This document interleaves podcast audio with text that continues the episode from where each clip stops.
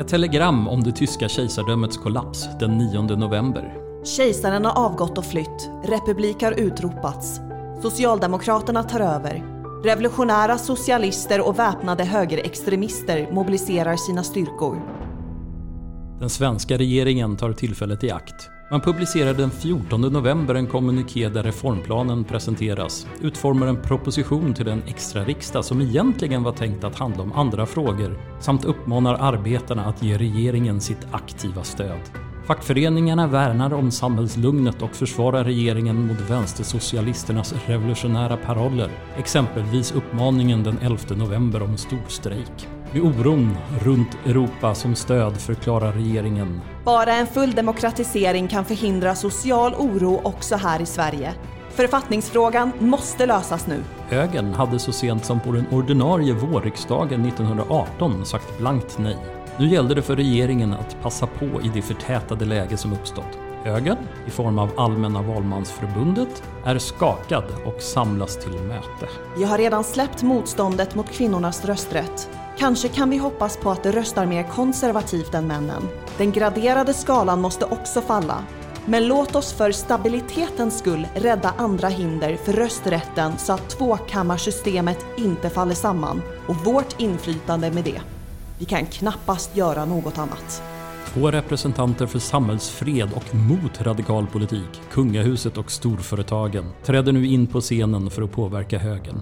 Kung Gustav V och näringslivet. Jag måste se till så landet inte hamnar i kris, i uppror eller andra problem som följd. Högern måste ge med sig. Samhällsfred och lugn på arbetsmarknaden, det är A och O för oss i industrin. Regeringens reform är inte så farlig. Högern måste ge med sig. Dramatiken förflyttas i början av december till riksdagens mötesrum. Förhandlingarna i det särskilda utskott som tillsatts förs över till en mindre grupp där regeringspartierna och högern är representerade.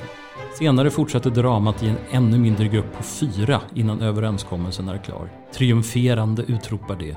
Så här får det bli. Allmän och lika kommunal rösträtt vid 23 år. För minst ett av de tre senaste åren måste skatten vara betald. För landstingsvalen krävs 27 år, vilket också är gränsen för valbarhet. Till andra kammaren krävs också 23 år. Hej och välkomna till Arkivpodden och det andra avsnittet i serien Demokratijubileet. Jag heter Kerstin Söderman och idag sänder vi från Riksarkivet Marieberg. Med mig i studion som gäst har jag Torbjörn Nilsson, professor vid institutionen för historia och samtidsstudier vid Södertörns högskola. Välkommen Torbjörn! Tack för det! Det är ju hundra år sedan, sedan allmän och lika rösträtt infördes i Sverige och idag ska vi fokusera på händelseförloppet. Vad var det för text vi hörde? Ja, det var en text som jag har skrivit som kallades då Sista akten i rösträttsdramat som då eh, var ett sätt att liksom gestalta de här eh, slutskedet i hösten 1918 där när demokratin helt blev fullständig så att säga. Och det är en eh, text som finns på en sajt som heter Demokrati 100 där olika artiklar och annat kring den här rösträtten dess hela historia så att säga, inte bara slutskedet som finns och, och den sajten Demokrati 100 har jag arbetat också. Det låter ju som det där var snabbt avklarat. Kan det verkligen ha gått så enkelt? Nej, det som är intressant är ju att det är som en kombination av en lång eh, startsträcka och en snabb finish skulle man kunna säga. Det vill säga att eh, frågan blev aktuell redan under ja, strax efter mitten av 1800-talet kan man väl säga. Och att det var först då i slutskedet, hösten, senhösten 1918, som det gick med en väldig fart. Och jag tycker det är intressant den här blandningen av snabbhet och liksom långsamhet. Om vi då ska eh, ta en snabb kurs ändå om rösträttens historia så kan det vara lämpligt att börja kring 1867 då den nya tvåkammarriksdagen börjar. Där vi har två kamrar, första kammaren och andra kammaren. Och där var det ganska komplicerade rösträttsbestämmelser. Den andra kammaren så måste man uppfylla inkomstkrav eller förmögenhetskrav. Och det gjorde att ungefär 20 procent av de vuxna männen kunde rösta. När det gäller den första kammaren så vilade den på kommunala rösträtten och den var graderad efter inkomst och förmögenhet vilket gjorde att de som hade egendomar och höga inkomster dominerade och kom att dominera i första kammaren också. Så att det var ett väldigt sinrikt system och det gjorde också att det var besvärligare kanske att ändra. Om man jämför till exempel med Norge där man hade en kammare i Stortinget så att säga och då ändrade man helt enkelt rösträttsbestämmelserna bara. Men här var det flera saker som hängde ihop. 1867 så fanns det ju inga vad ska jag säga, omfattande krav på full rösträtt och så vidare utan det dröjde ju med industrialisering och med folkrörelserna växer fram och partiväsendet kommer igång strax före 1900 innan då de här eh, liksom, frågorna blev skarpa kan vi väl säga. Och då gällde det ju då dels att alla män skulle få rösta, gällde ju också att kvinnorna skulle få rösta för de var ju inte med överhuvudtaget i den här ursprungliga systemet från 1867. Och dessutom att man skulle göra den kommunala rösträtten lika för alla. Så det var ju de tre inslagen i rösträttsfrågan som också gjorde det ganska komplicerat. Då. Det bildades olika rösträttsorganisationer då på 1890-talet där man slöt sig samman då för att driva de här kraven. Eh, och det fanns ju ett visst stöd i riksdagen för de här frågorna och det ökade ju. Eh, liberalerna, de flesta av dem i alla fall, var för en eh, utökad eller full rösträtt och naturligtvis Socialdemokraterna, men de var ju än så länge ganska få. Ett par år in på 1900-talet var det bara var det fyra stycken i andra kammaren eller någonting sånt där. Så att huvudsakligen var det ju i början Liberalerna. Men socialdemokrater fanns ju inom fackföreningsrörelsen och andra folkrörelser så att man drev ju på där. De som var emot var ju huvudsak den politiska högern kan vi säga. Dels de som behärskade första kammaren där det var man kan väl säga de absolut mest förmögna i landet. Godsägare, finansmän, ämbetsmän och några också självägande bönder som kunde komma in där. Så att högern, de konservativa, var emot. Men blev ju också så småningom så sker ju en förändring och man börjar acceptera åtminstone reformer, om än inte full rösträtt. Så att det, det gjorde att det skedde ändå en viss utveckling, men den var inte särskilt omfattande och det nöjde sig inte rösträttsförkämparna med. Kvinnorna som också menade att deras egna organisationer inte drev kvinnorösträtten särskilt mycket utan menade att eh, de bara favoriserade männens rösträtt. De bildade då Landsföreningen för kvinnans politiska rösträtt som då kom 1903 och som då var ett sätt att engagera kvinnor för att driva på utvecklingen. Men det skulle ju ändå dröja ett par decennier innan det slog igenom fullt ut de här tankarna att man ändå någonting måste reformeras, det vill säga att de konservativa började se behovet av det, ledde ju fram till att vi, det vill säga Sverige, 1909 fick en i stort sett allmän rösträtt för män då till andra kammaren. Och det var en, man brukar säga det var en konservativ, en samhällsbevarande reform därför att å ena sidan så öppnade man då för det blev i praktiken kanske 80-85 procent av de vuxna männen som kunde rösta. Fortfarande inte kvinnorna. Däremot så fanns det ju då den här graderade rösträtten som styrde första kammaren. Den fanns kvar, även om man minskade antalet röster som de mest förmögna kunde få. Man kunde få högst 40 röster i de kommunala valen. Men det var ändå tillräckligt mycket för att den konservativa karaktären av första kammaren ändå skulle bevaras efter 1909 det var ju Arvid Lindman och hans konservativa regering som genomförde det här. Och eh, det har ju ibland framställts som, det är missvisande, som att det var då som Sverige fick rösträtt. Och det var med många modifikationer man kan säga att det genomfördes då. Men hur som helst så var det ett sätt att försöka kanske skjuta upp avgörandet eller att genomföra någonting som var tillräckligt för att även en del liberaler skulle acceptera. Så att Lindman hade nog tanken att det här systemet skulle kunna leva vidare bra länge. Men så blev det ju inte.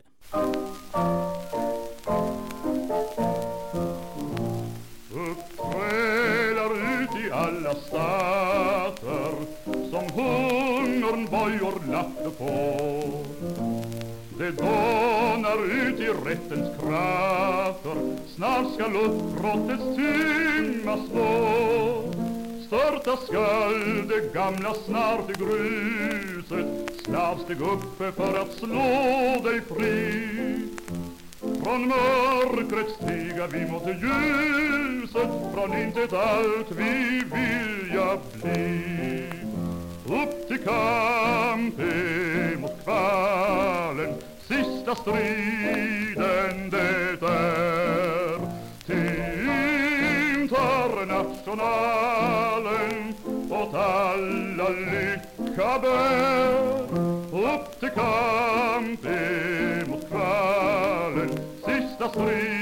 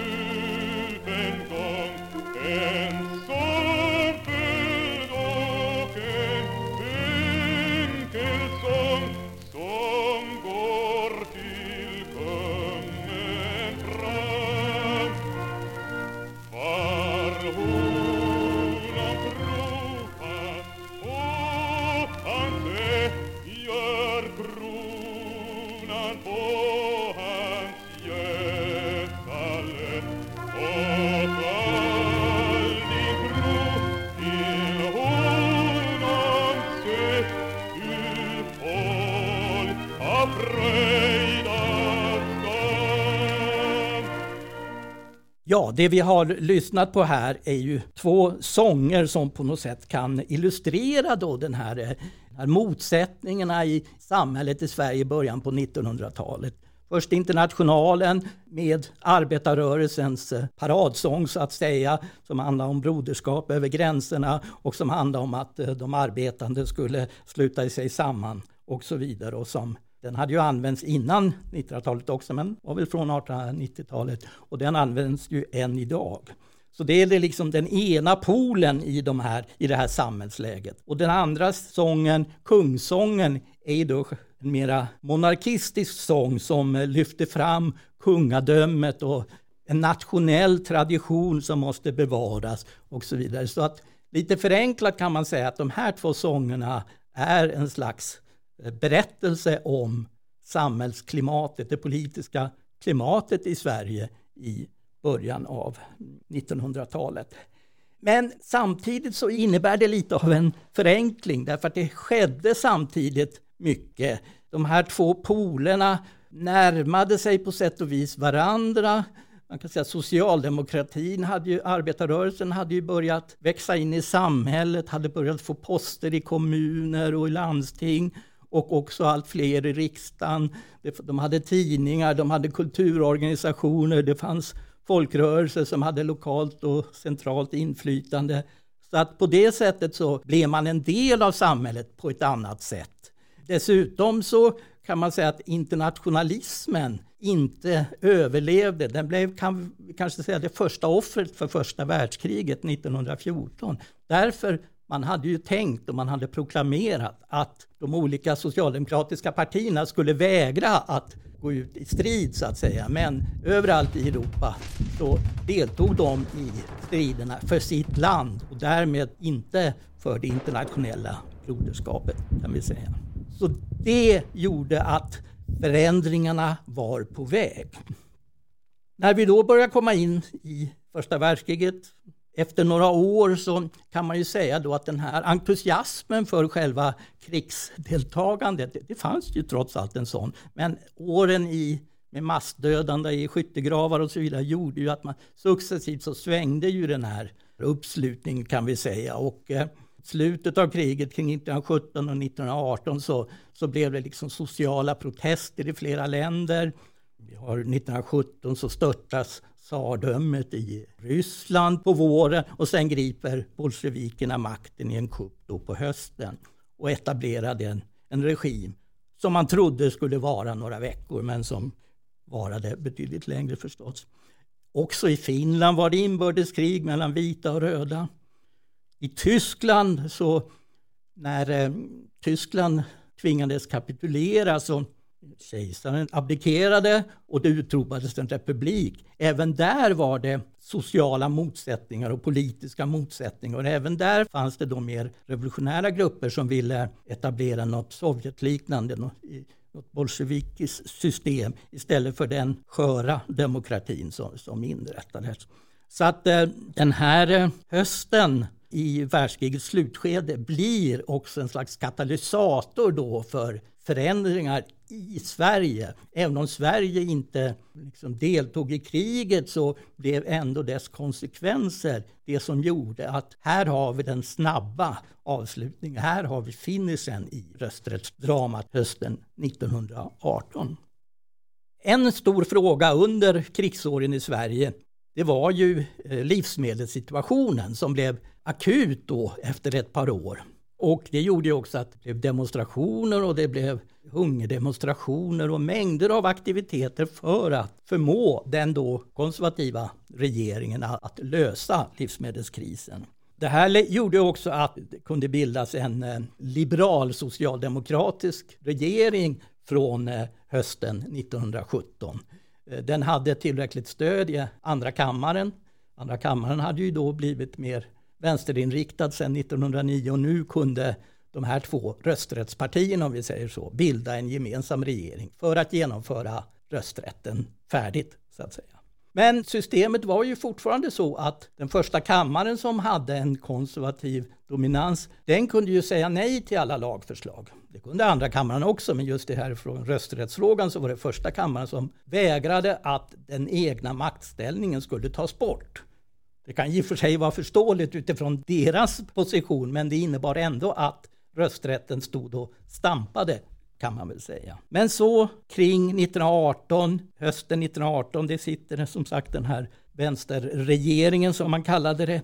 Då inkallades en extra riksdag. Riksdagen ägde ju rum vanligtvis på, på våren och så inkallade man en extra riksdag till november och eh, december då kan man ju efteråt kanske tänka, jaha, det var för att genomföra rösträtten då. Men det var det inte, utan en extra riksdag kan ju inte avgöra sådana saker. Så den här riksdagen var inkallad för att lösa frågan om tjänstemännens löner som hade släpat efter under kriget. Och det var en ganska stor fråga i och för sig, men ju mer som tiden gick under hösten innan man hade hunnit mötas så blev ju den här rösträttsfrågan akut. Och eh, republiken inrättas i Tyskland, sociala oron som jag nämnde förut. Och då tar regeringen, liberaler och socialdemokrater, initiativet och formulerar ett förslag som skulle tas i riksdagen då.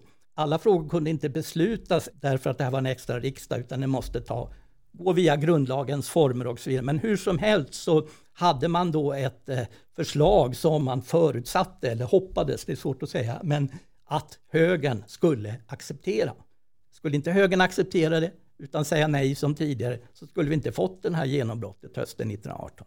Nu var ju läget så väldigt ansträngt, upphissat, så det började ju utövas påtryckningar på högergrupperna i riksdagen, särskilt de i första kammaren. Det var liksom en mängd olika samhällsbärande institutioner som började påverka. Vi hade ärkebiskopen, eh, från hovet så kom det, vad ska man säga, man bad att de skulle ge med sig för att inte riskera något ännu värre. Det var ungefär så man såg det. Det kunde bli revolution, kanske det kunde ha blivit något annat. Monarkin kanske skulle fällas. Och även då från eh, industrigrupper som menade att vi måste ha ett social lugn, vi måste ha ett ordnat system för att kunna utvecklas vidare. Och, och det ledde till att högern faktiskt då, november 1918, gav med sig att acceptera det. Man fick ett par mindre frågor som man önskade så att säga. Det gällde vilka som skulle undantas om man inte hade betalat skatt och sådana saker. Det fanns en del sådana mindre frågor där man fick igenom, men i huvudsak så var det en reträtt från högerns sida.